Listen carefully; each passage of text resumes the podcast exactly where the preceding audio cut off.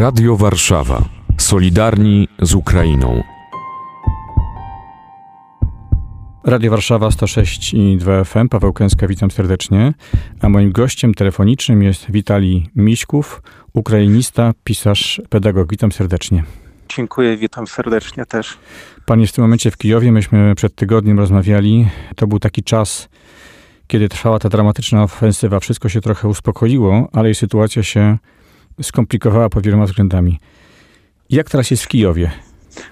Jest tak, że w tym momencie w Kijowie nie jestem, znajduję się w innym miejscu. Nie mogę powiedzieć ze względów tajemnicy wojskowej, wojennej. Jestem na treningu. Dołączyłem do Legii Cudzoziemskiej jako obywatel polski. Mogę powiedzieć, że bardzo, bardzo dużo chłopców z całego świata dołącza do nas. Zostawiają ludzie swoje e, rodziny, swoje dzieci. Jest bardzo dużo Polaków wśród nas, ale jest ponad 20 państw ludzi. Mamy bardzo ostre treningi i po tygodniu mniej więcej ludzie idą do walki. Ja zacząłem 9 marca i w następnym tygodniu już będę szedł też do walki tak, także tak. To dramatyczna decyzja, bo ja pamiętam, jak rozmawialiśmy i pan też mówił, że jest pan w Kijowie, wybiera pan na razie tak. E, działania w dziedzinie mediów, czyli przekazywania informacji, tego, co panu jest e, bliskie. Pan też ma dzieci, więc wybór wzięcia broni do ręki to dramatyczny wybór. Tak, to jest ostatnie, co w swoim życiu chciałbym robić. To nie jest wybór. Ludzie z bronią przyszli na moją ziemię, tam gdzie się urodziłem, tam gdzie urosłem, tam gdzie ukończyłem studia, tam gdzie są moi rodzice, moi bracia, moi przyjaciele, nauczyciele i ci ludzie przedwczoraj rzucili bombę na, e, nie wiem jak się nazywa, dom położny i zabijałem po prostu cywilnych ludzi, zabijałem rodziny. Ponad 50 e, dzieci zginęło już w tej wojnie i mnóstwo okaleczonych ludzi, dzieci tak być nie może po prostu. I cieszę się, że bardzo dużo ludzi z różnych końców świata też tego zdania, że mu musimy to zatrzymać. Był taki pewien moment, kiedy pan pomyślał, dobra, y, nie mam doświadczenia wojskowego, ale idę do wojska, mam synów, oni są dla mnie ważni, ale idę. Jaki to był moment? Czemu?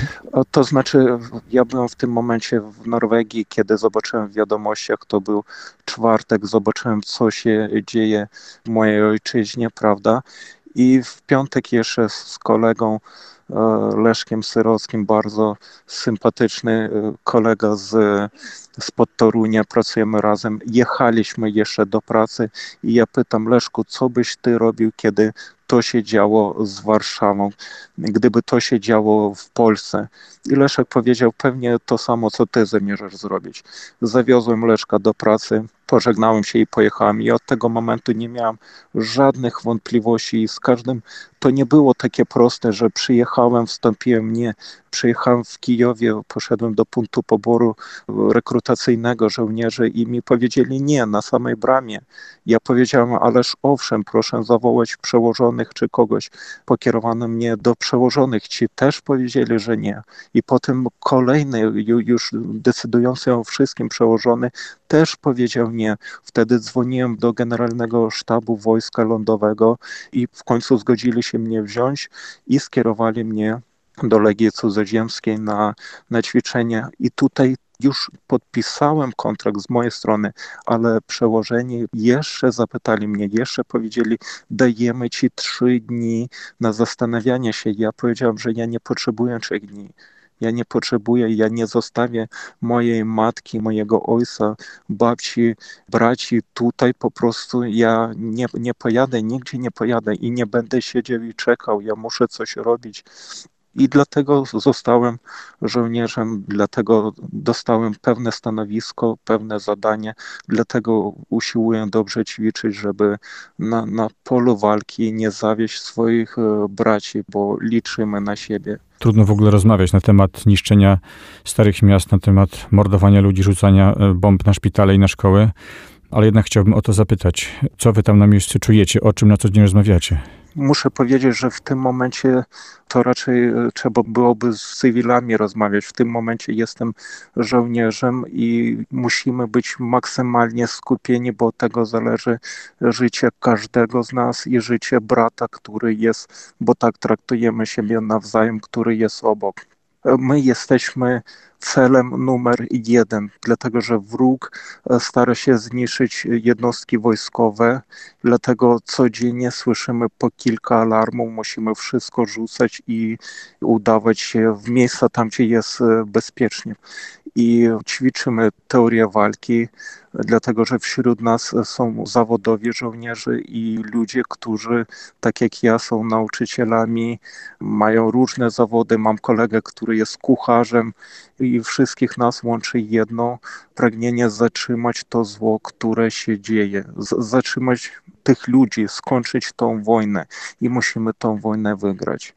Dlatego musimy być e, absolutnie maksymalnie skupieni tutaj my mamy telewizję też, mamy internet, ale nie mamy czasu na to. My szykujemy się do walki i w walce trzeba być maksymalnie przygotowanym, skupionym i ratować braci obok i innych jednostek naszych. Trzeba być uważnym, żeby nie, nie popełniać jakichś błędów e, wojskowych i trzeba bardzo mocno uważać na ludzi cywilnych. I też trzeba być uważnym do tych ludzi, Rosjan, którzy się podają, którzy składają broń żeby ich życie też uchronić.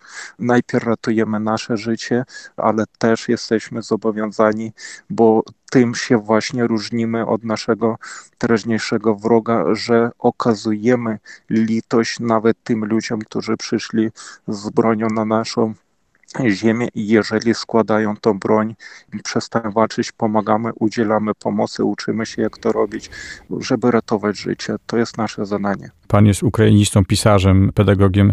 Może kogoś innego bym o to nie zapytał, ale właśnie pana chcę zapytać o tą walkę dobra ze złem. Czy, czy jakby przestaje się o tym myśleć, czy idzie się tylko już do konkretnych działań i mam przed sobą to, co muszę zrobić? Yy, czy też gdzieś jest w tym wszystkim taki pokład jeszcze myślenia o Bogu, o mhm. wartościach? Jestem przede wszystkim pedagogiem, pisarzem i marzy mi się, że wrócę z tej wojny i napiszę książkę o postawach ludzkich, bo, bo tutaj ci chłopcy, którzy, chłopcy i dziewczęta, którzy przyszli tutaj, oni, oni wszyscy są gotowi umrzeć, prawda? Każdy z nas pamięta, że ten dzień może być ostatni. Jak słyszymy alarm, każdy z nas jest świadom tego, że to mogą być ostatnie chwile życia i mam nadzieję, że wrócimy do świata i ktoś będzie kucharzem, ktoś będzie pisarzem, wrócimy do swoich rodzin, będziemy robić to, co robiliśmy przedtem, ale tego, co się dzieje, to chyba do końca życia nie damy rady zapomnieć. Ale z drugiej strony powiem jeszcze coś takiego, kiedy człowiek stoi w obliczu śmierci, to, to troszeczkę inaczej y, wszystko wygląda, wszystkie wartości. Tutaj nikt z nas nie myśli o jakichś pieniądzach, o jak mówię, że na szale postawione całe życie nasze i dlatego my staramy się podtrzymać siebie na duchu, skupić się na, na, na, swoich obowiązkach i zrobić dobrze i musimy to zrobić dobrze. Też chcę to zapytać, bo to jest strasznie ważne, to jest w końcu wojna. Co pan czuje? Czy pan czuje do wroga? Czy to jest wróg? Czy to jest nienawiść? Co to jest? O, nie, ja nie czuję nienawiści, zupełnie nie czuję. Ja mam bardzo dużo przyjaciół w Rosji, moja ciocia w Rosji mieszka, moja babcia była z Rosji. Ja mieszkałem w Petersburgu przez rok. Ja nie czuję żadnej nienawiści. Mam wielką chęć rozwiązania problemu, który zaistniał. Musimy to zrobić. W tym momencie tylko militarnie da się to rozwiązać. Jak po prostu sytuacja już taka, jesteśmy zmuszeni, nas atakują, musimy zatrzymać wroga, musimy być stanowczy, musimy pokazać, że możemy walczyć, możemy bronić i tak dalej, ale cały czas zastanawiam się nad tym, jak zrobić tak, żeby nie zabić tego człowieka, który idzie na mnie z bronią, jak zrobić tak, żeby on tą broń złożył i poszedł do domu, do swojej matki, bo on też jest żywym człowiekiem, on też chce żyć, on też przez jakieś okoliczności okazał się, podjął takiego wyboru, prawda? Ja nie chcę zabijać ludzi, ale ja muszę ratować swój naród i dlatego tu jesteśmy, dlatego wszyscy tu jesteśmy. Czym jest Ukraina dla Pana? Ukraina to jest miejscem, gdzie się urodziłem. Tutaj wszystko jest e, drogie sercu, to jest mój dom. I w ten dom ktoś się wdarł. I jeszcze przed wstąpieniem e, do wojska jeszcze rozpatrywałem, starałem się zrozumieć do samego końca, zrozumieć Rosjan, rozmawiałem z nimi, prawda?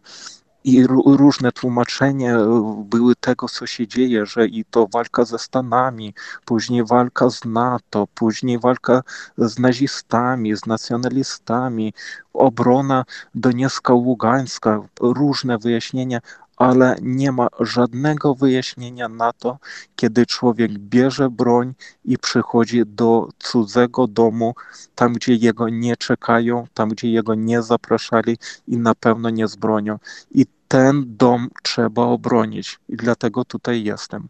Teraz mi bardzo trudno skupić się na tej rozmowie, bo myślami jestem z moimi braćmi tutaj, z żołnierzami, z którymi razem szykujemy się do walki, ale jestem absolutnie przekonany i bezgranicznie wdzięczny, bo tutaj jest bardzo dużo Polaków, bardzo dużo Polaków. Ja słyszę od chłopaków, którzy przyjeżdżają, oni tutaj przyjeżdżają, a tam swoje, oddają swoje mieszkania, że, żeby tam ukraińska jakaś rodzina, ukraińskie dzieci zamieszkały.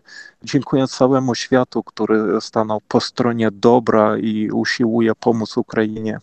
I jeszcze raz dziękuję wszystkim słuchaczom, dziękuję za, za to wsparcie. My to czujemy. Niech pan pisze książkę i to chyba trzeba teraz zacząć. Teraz to nie mogę, bo muszę być maksymalnie skupiony, ale staram się zapamiętać każde uczucie, każde słowo tych ludzi, którzy dzisiaj są, a jutro ich może nie być. Każdy, kto słyszy tą rozmowę, to szanowni państwo, proszę mieć w swoim sumieniu i swoich myślach pana Witalija, jego, jego kolegów, koleżanki, przyjaciół, którzy teraz w wojsku szykują się do walki. Proszę się modlić i proszę chronić ich rodziny w Polsce i co tylko móc, to, to z siebie dać. Dziękuję serdecznie. A moim gościem był dziś Witalij Ukrainista, pisarz, pedagog. Dziękuję bardzo. Radio Warszawa. Solidarni z Ukrainą.